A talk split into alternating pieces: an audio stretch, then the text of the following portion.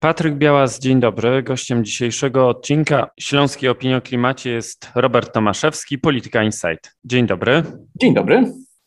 Przed kilkoma dniami e, w Polityce Insight ukazała się Twoja analiza, analiza dotycząca tego, jak wygląda polska energetyka, jak wyglądała polska energetyka w ubiegłym roku.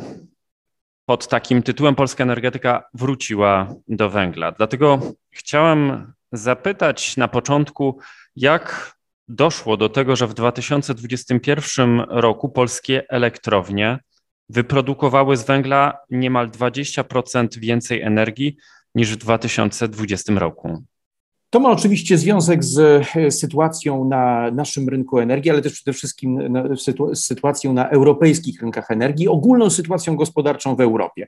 Mamy e, w 2021 roku e, moment wychodzenia państw unijnych z obostrzeń covidowych, odbicia się gospodarki po koronawirusie, zwiększone zapotrzebowanie przemysłu na E, zużycie energii elektrycznej, co było oczywiście e, związane z tym, że wszyscy zaczęliśmy więcej kupować, e, wykorzystywać te nadwyżki finansowe, które społeczeństwo zyskało w czasie lockdownu, to i, i, siłą rzeczy naturalnie to zużycie energii zaczęło gwałtownie rosnąć. Do tego mieliśmy e, no, taki, można powiedzieć, perfect storm, na który złożyły się różne czynniki e, i rynkowe, i pogodowe, i też geopolityczne, które wpłynęły na to, że ceny energii w Europie zaczęły gwałtownie rosnąć, zwiększając jeszcze bardziej e, zapotrzebowanie, no w naszym akurat przypadku na produkcję energii z węgla. Tymi czynnikami oczywiście był gwałtowny wzrost cen gazu, które osiągnęły to ceny no, absolutnie rekordowe poziomy. I tutaj wpłynęła i większa oczywiście aktywność przemysłu, który zużywał ten surowiec, machinacje Rosji w postaci ograniczenia e, dostaw e, tego surowca e, na zachód, jak i również same warunki pogodowe, które sprawiły, że potrzebowaliśmy tego gazu więcej, a potrzebowaliśmy więcej, bo wiało rekordowo słabo. Farmy wiatrowe w całej Europie pr pracowały e, no, na historycznych minimach, nie tylko w naszym kraju, ale również w Niemczech, we Francji, Wielkiej Brytanii i to bardzo mocno e, dało się odczuć właśnie w energetyce, która musiała no, czymś pokryć to, e, to miejsce w wolumenie wytwarzania, które tradycyjnie było zarezerwowane dla OZE, musiała wrócić do e, e, w większym stopniu do paliw kopalnych. No i ten powrót był przez pewien czas mocno gazowy, ale gdy ceny gazu wzrosły do absolutnie rekordowych poziomów, wówczas te firmy energetyczne w Europie, które mogły, zaczęły wracać bardzo szybko do węgla. No i Polska jest tym przypadkiem tym krajem, który jest w największym stopniu uzależniony od tego surowca. No i nasze firmy energetyczne po prostu zwiększyły tą produkcję co by, aby pokryć to rosnące zapotrzebowanie na energię w kraju, ale również zwiększyć eksport energii, ponieważ okazało się, E, I tutaj też jest bardzo ciekawe, e, takie przełamanie trendu nastąpiło, że nasze ceny energii w hurcie, które przez lata były jednymi z najwyższych e, w Europie, nagle w tej drugiej połowie 2021 roku stały się najniższe. No nie, nie licząc pewnych stref cenowych w Skandynawii i państwach bałtyckich, to faktycznie Polska na, tym, na tej kontynentalnej mapie miała pod koniec ubiegłego roku najniższe ceny energii w hurcie. No i to sprawiało, że ta nasza energia po prostu wyle, zaczęła wylewać się mm, e, na sąsiednie rynki, co z jednej strony oczywiście było dobre dla elektrowni, bo to krajowych elektrowni, bo to zwiększało ich e, liczbę godzin pracy, ich rentowność, ale z drugiej strony mieliśmy do czynienia z sytuacją, w której rosły emisje, ale spadały też zapasy węgla przy elektrowniach. Więc pod koniec roku mieliśmy do czynienia z sytuacją, w której e, te zapasy były na minimalnych poziomach. Kolejni operatorzy elektrowni zgłaszali prezesowi Urzędu Regulacji Energetyki, że e, przekroczyli te minimalne poziomy, które e, są wymagane prawem, żeby były przy elektrowniach ze względu na konieczność zapewnienia ich stabilnej pracy, co też oczywiście miało związek z faktem, że monopolista naszego węglowego rynku, czyli Polska Grupa Górnicza, e, rozlicza się z naszymi wytwórcami na podstawie długoterminowych e, kontraktów nieindeksowanych do cen na zachodzie. One e, przez ten czas, kiedy węgiel był tani, one były bardziej korzystne dla PGG, ale w momencie, kiedy węgiel, ceny właśnie ten węgiel podrażał. Elektrownie miały za to bardzo tani surowiec, no i wykorzystywały to, żeby podbić swoje wyniki i zwiększyć też produkcję. No ale doprowadziliśmy do sytuacji, w której te zapasy są na minimach, są bardzo niskie. Trzeba było w ogóle odbudować je, zmniejszając obciążenie elektrowni węglowych. Na szczęście w tym momencie, na, na, początku, e, przez styczeń i na początku lutego, ta pogoda e, nie jest e, mroźna, więc nie ma dużych ryzyk związanych z przerwą w dostawach czy to energii cieplnej, czy elektrycznej, ale faktycznie, to znaczy 21 rok spowolnił naszą dekarbonizację, ale jednocześnie, jednocześnie ogołocił w dużej mierze e, elektrownie z węgla. E, no i gdyby doszło do jakiegoś kryzysu energetycznego w Europie albo gwałtownego spadku temperatury, wówczas no, jesteśmy w dosyć nieciekawym momencie. Właśnie chciałem też zapytać o to, jak wygląda ta dekarbonizacja polskiej energetyki na przestrzeni ostatnich kilku lat, czyli jak wygląda udział węgla w produkcji energii elektrycznej w Polsce na przestrzeni ostatnich 15 lat? On, ten udział no, z, z, każdym rokiem był coraz niższy i tutaj e, energetyka e, stopniowo się e, dekarbonizowała. On w 2020 roku spadł poniżej poziomu 70%. No już odtrambiano wtedy no, ten, ten, można nazywać to sukces, że to faktycznie ta transformacja zaczęła przyspieszać i tak rzeczywiście się działo. Mieliśmy wzrost zużycia e, gazu, który jest mniej emisyjny, większą produkcję energii z źródeł odnawialnych, no i ten węgiel był przez te ostatnie lata coraz mocniej e, spychany. No oczywiście z pułapów e, no, przed 15 lat, latami ten, ten, ten, udział węgla w produkcji energii był grubo ponad 90%, więc e, rzeczywiście przez ten okres udało nam się zbić o 20 punktów procentowych udział węgla w naszym miksie energetycznym. No i w 2021 roku nastąpiła węglowa cofka. Ten udział węgla wzrósł do około 70%, Mm, 2%, e, czyli podskoczył o 3, niecałe 3 punkty e, procentowe, no to oczywiście jest e, z tym związane, o czym mówiłeś na początku, znaczy po prostu wyprodukowaliśmy tej energii znacznie więcej, ale też jakby dla kontekstu dodajmy to, że to nie jest sytuacja, która zapowiada odwrócenie trendu, teraz ten udział nie będzie rósł w górę, nie mamy do czynienia z przełamaniem się i załamaniem się transformacji, mamy do czynienia z absolutnie nadzwyczajnymi warunkami na rynku, które się skumulowały w ciągu jednego roku y, i efektem tego jest po prostu taka węglowa y, cofka, można powiedzieć. Ona prawdopodobnie w tym roku już y, jej nie będzie, ten udział węgla będzie prawdopodobnie znacznie niższy. Oczywiście tutaj nie ma co jeszcze przewidywać dokładnych liczb, to będzie zależało od tego przede wszystkim, co się będzie działo na rynku gazu. Gaz jest e, tym paliwem, który wyznacza e, w Europie Zachodniej ceny energii elektrycznej w hurcie, ponieważ elektrownie gazowe są najdroższe i to one zgodnie z e, obecnym kształtem rynku merit orderem tak zwanym dyktują, są dyktatorami cen energii w hurcie. W Polsce tak nie jest, w Polsce cały czas te ceny są wyznaczane przez e, najstarsze elektrownie węglowe. E, natomiast e, oczywiście jesteśmy rynkami zintegrowanymi, więc musimy zobaczyć, co z tym gazem się będzie działo. W sytuacji, w której dojdzie do eskalacji konfliktu, na przykład na Ukrainie, wybuchnie wojna, no to należy oczekiwać no, dalszych wzrostów tych cen i no, takiej sytuacji krytycznej również dla całego, całego sektora energetycznego w Europie.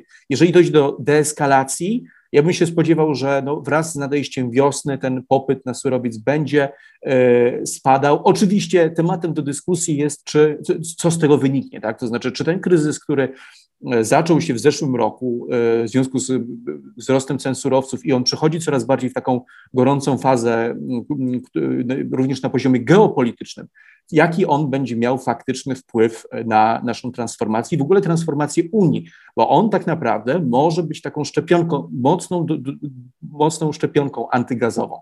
On może zmusić Europę do tego, żeby przestała e, w jakimś stopniu traktować gaz jako e, no, takie pewne paliwo przejściowe, w, na drodze do neutralności klimatycznej. Do tej pory tak było i jakby i sama Unia Europejska, Komisja Europejska potwierdziła to choćby w ostatnim akcie delegowanym do unijnej taksonomii, dając gazowi status paliwa przejściowego, paliwa, które ma być e, e, pomocne w naszej drodze do neutralności klimatycznej. Ale jeśli dojdzie do, do, eskalacji, do eskalacji konfliktu e, z Rosją, wówczas ja bym się spodziewał tego, że Europa jeszcze raz zacznie myśleć o tym, czy my faktycznie jesteśmy w stanie e, być tak zależni od dostaw e, rosyjskiego surowca, czy jednak nie powinniśmy szukać innych e, źródeł, żeby móc zwiększyć tą niezależność kontynentu od zewnętrznych dostawców. Więc zapowiada się absolutnie fascynujące rok, no i następna na pewno też dekada będzie pod tym względem ciekawa, jak ta transformacja zmieni się, no bo ona się na pewno będzie, ten kształt jej będzie ulegał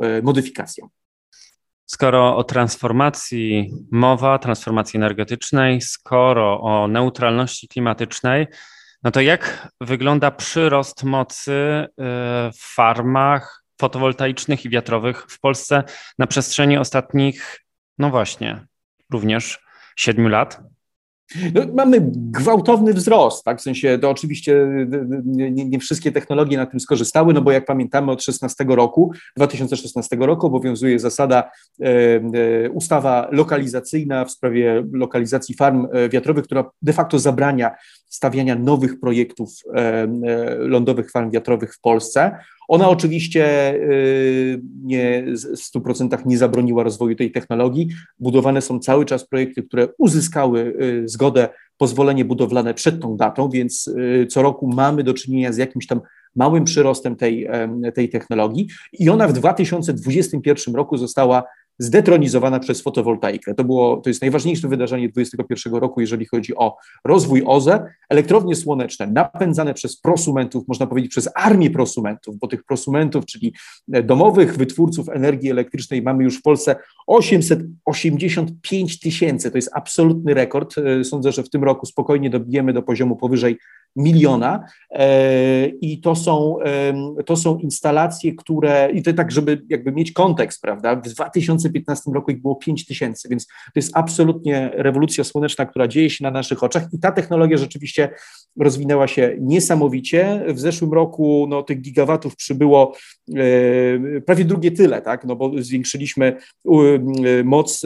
elektrowni fotowoltaicznych e, do ponad 7 gigawatów, czyli o prawie 100% e, więcej niż w 2020 roku. Ten dynamiczny okres rozwoju fotowoltaiki, on oczywiście dobiega końca, bo zmieniają się w tym roku od kwietnia przepisy mówiące o tym, w jaki sposób prosumenci będą wynagradzani za to, że posiadają te instalacje, ten korzystny system, system opustów zostanie e, zastąpiony e, koniecznością sprzedaży tej energii wyprodukowanej z paneli na rynku, e, co też jakby zmniejszy rentowność tych instalacji i doprowadzi do takiego schłodzenia, schłodzenia całego, całego, całej branży.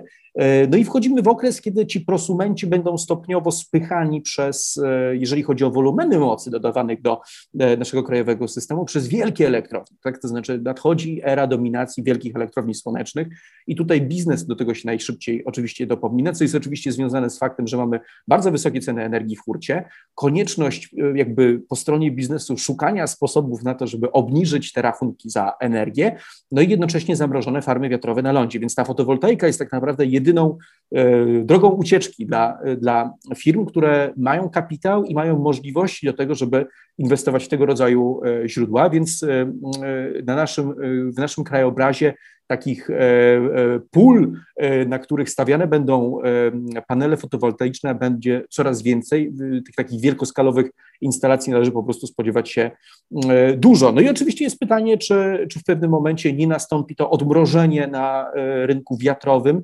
Tutaj sygnały są od jakichś kilku lat wysyłane w kierunku rynku, że już rząd jest w ogródku, już się z tą gąską wita, już będzie odmrażał zasadę 10H, ale cały czas nie możemy tego przepchnąć, więc raczej rynek będzie próbował sobie radzić tak, jak e, radzić sobie może, czyli inwestować w to, co jest dostępne, czyli ja sądzę, że ta fotowoltaika dalej się będzie rozwijać, chociaż już nie w tym segmencie, e, segmencie e, prosumenckim, tylko właśnie bardziej w tej wielkoskalowej energetyce. No i na zakończenie chciałbym zapytać, jak ta nadzwyczajna sytuacja na europejskim rynku w ubiegłym 2021 roku wpłynie na dekarbonizację polskiej energetyki, na transformację energetyczną w Polsce, a co za tym idzie, jak ta sytuacja wpłynie na przyszłość regionu, z którego pochodzę, czyli Śląska? Fenomenalnie ciekawe pytanie i e, bardzo trudno jest na nie w tym momencie znaleźć jednoznaczną odpowiedź, bo to wymaga jakby spojrzenia na wiele płaszczyzn tego, tej transformacji. To znaczy, w krótkim okresie będziemy mieli oczywiście do czynienia z, tą, z tym wzrostem zależności od węgla i e, z, zwiększeniem zapotrzebowania na ten surowiec e, po to, żeby po prostu utrzymać stabilność zasilania. To będziemy jeszcze w toku e, tego roku obserwować, co się będzie działo z gospodarką, jak podwyżka stóp procentowych wpłynie na ochłodzenie koniunktury, a zarazem na spadek popytu na e, energię, czy też wyhamowanie wzrostu tego E, popytu. Więc tutaj jest wiele czynników makro, które dopiero e, zobaczymy, jak one będą wpływały na sytuację sektora. Wydaje się, że no będziemy raczej wracali do tej trajektorii z tych ostatnich lat, to znaczy znowu będziemy mieli problem z węglem, w tym sensie, że ta produkcja wróci do nierentowności, no bo pamiętajmy, jesteśmy mimo tych rekordowych cen gazu, mamy rekordowe ceny uprawnień do emisji, one się zbliżają do tych 100 euro za tonę, to jest absolutnie no, nie do pomyślenia poziom. Jeszcze rok temu no, nikt w życiu by nie przypuszczał, że możemy wjechać na y, takie poziomy, jeżeli chodzi o te ceny uprawnień, więc na rynku y, jakby dominuje takie poczucie, że teraz wszystko może być możliwe, tak? To znaczy, jeżeli komisja nie zareaguje i nie doprowadzi do tego, żeby w jakiś sposób unormować ten, e, tą trajektorię wzrostu cen CO2, no to my możemy obudzić się za rok z cenami na poziomie 200 czy 300 euro za tonę. E, oczywiście teraz troszeczkę przesadzam, ja nie spodziewam się, że takie ceny jednak osiągniemy. E, bardziej bym się spodziewał jakiegoś politycznego kompromisu, który doprowadzi do tego, że no jednak te ceny będą w jakiś taki unormowany sposób rosły, a nie osiągały pułapy, które miały osiągnąć w latach 30. już w 2022 roku, ale mimo wszystko wszystko. No to jest czynnik, który będzie spychał ponownie węgiel do narożnika e, i e, tą naszą dekarbonizację e, przyspieszał mimo tych warunków, które, które panują. No i oczywiście wchodząc na kolejny poziom, taki bardziej średnioterminowy, to jest oczywiście to, to, to, o czym przez, przez, sekundę, przez sekundę udało mi się wspomnieć, to jest oczywiście pytanie o gaz, to znaczy czy czy to wszystko, co się wydarzyło, będzie dla nas e, szczepionką antygazową e, i zrezygnujemy z rozbudowy mocy naszych w gazie i na przykład poprzestanie, zostaniemy z tym, co mamy w węglu. To jest oczywiście bardzo trudne pytanie, trudno znaleźć na nie odpowiedź. Jest coraz więcej analiz eksperckich pokazujących, że wydaje się, że lepiej byłoby, gdybyśmy wykorzystali, dojechali, że tak powiem, z tymi mocami, które mamy, e, które mogą jeszcze pracować, które, których nie trzeba zamknąć ze względu na wysługę lat, e, żeby one zapewniały nam tą rezerwę po, w podstawie, tą po, moc cieplną, która jest absolutnie e, pod, jakby fundamentem naszego systemu energetycznego i żeby nie przeinwestować i nie zainwestować zbyt wiele w elektrownie gazowe, żeby nie wpaść tą pułapkę, która y, i tak wiemy, że, że jest tam zastawiona, i tak wiemy, że będziemy tego gazu potrzebować więcej, bo po prostu e, i, i przemysł będzie jej więcej potrzebował tego surowca i sama energetyka, która ma już gotowe projekty, które są finalizowane czy w trakcie rozwoju, jeżeli chodzi o rozbudowę tych mocy gazowych, ale na tym poziomie średnioterminowym to E, to, to, to wyzwanie nas czeka. Ono będzie tym bardziej doniosłe po 2025 roku, kiedy wyczerpią się, wyczerpie się możliwość dofinansowania elektrowni węglowych z rynku mocy. Wówczas zostaniemy tak naprawdę tylko z tymi najnowocześniejszymi jednostkami w tym, w tym e, średnioterminowym okresie, jeżeli chodzi o węgiel, a te stare dwusetki, stare gierkówki, które jeszcze funkcjonują, jeszcze tam są po prostu e, ożywiane, że tak powiem, przez tych operatorów, będą po prostu zamykane. No chyba, że Komisja Europejska pozwoli nam na to, żeby móc je jakoś reanimować, żeby te zombiaki węglowe jeszcze trochę pochodziły, żebyśmy mogli e, no, doczekać momentu, w którym uruchomimy inne niskoemisyjne moce, czy to farmy wiatrowe na morzu, czy być może w latach 30. małe reaktory jądrowe e, i jakoś tą transformację, jakoś się dopchniemy e, z tym, z tym, z tym co mamy. Więc Wydaje się, jakby reasumując, że transformacja będzie dalej postępować, E, strategiczne wyzwanie w postaci tego, co powinno być podstawą naszego systemu energetycznego, e, nie, zmienia się i cały czas będziemy musieli szukać odpowiedzi na to pytanie. Wydaje się, że ta sytuacja, w której obecnie się znajdujemy, powinna być takim absolutnym dzwonkiem alarmowym dla rządu, żeby jak najszybciej otworzył możliwość e, inwestowania, szybszego inwestowania w odnawialne źródła energii, farmy wiatrowe lądzie przede wszystkim, bo historia no, tej słonecznej rewolucji, która przetoczyła się przez te ostatnie lata przez polski system energetyczny pokazuje, że relatywnie niewielkie środki publiczne, mądrze wykorzystane, mogą doprowadzić do absolutnego boomu, który z jednej strony będzie zmniejszał e, naszą zależność od importu e, paliw z rynków z, z, państw sąsiednich, ograniczał ceny energii w hurcie, no i zwiększał bezpieczeństwo energetyczne. Więc wydaje się, że to jest, to jest ten moment, kiedy właśnie powinniśmy nacisnąć y, pedał z gazem, ale nie po to, żeby inwestować w gaz, tylko żeby jak najszybciej inwestować w odnawialne źródła energii i farmy wiatrowe. Bardzo dziękuję za tę dzisiejszą rozmowę. Moim gościem był Robert Tomaszewski, Polityka Insight. Dziękuję bardzo. Dziękuję.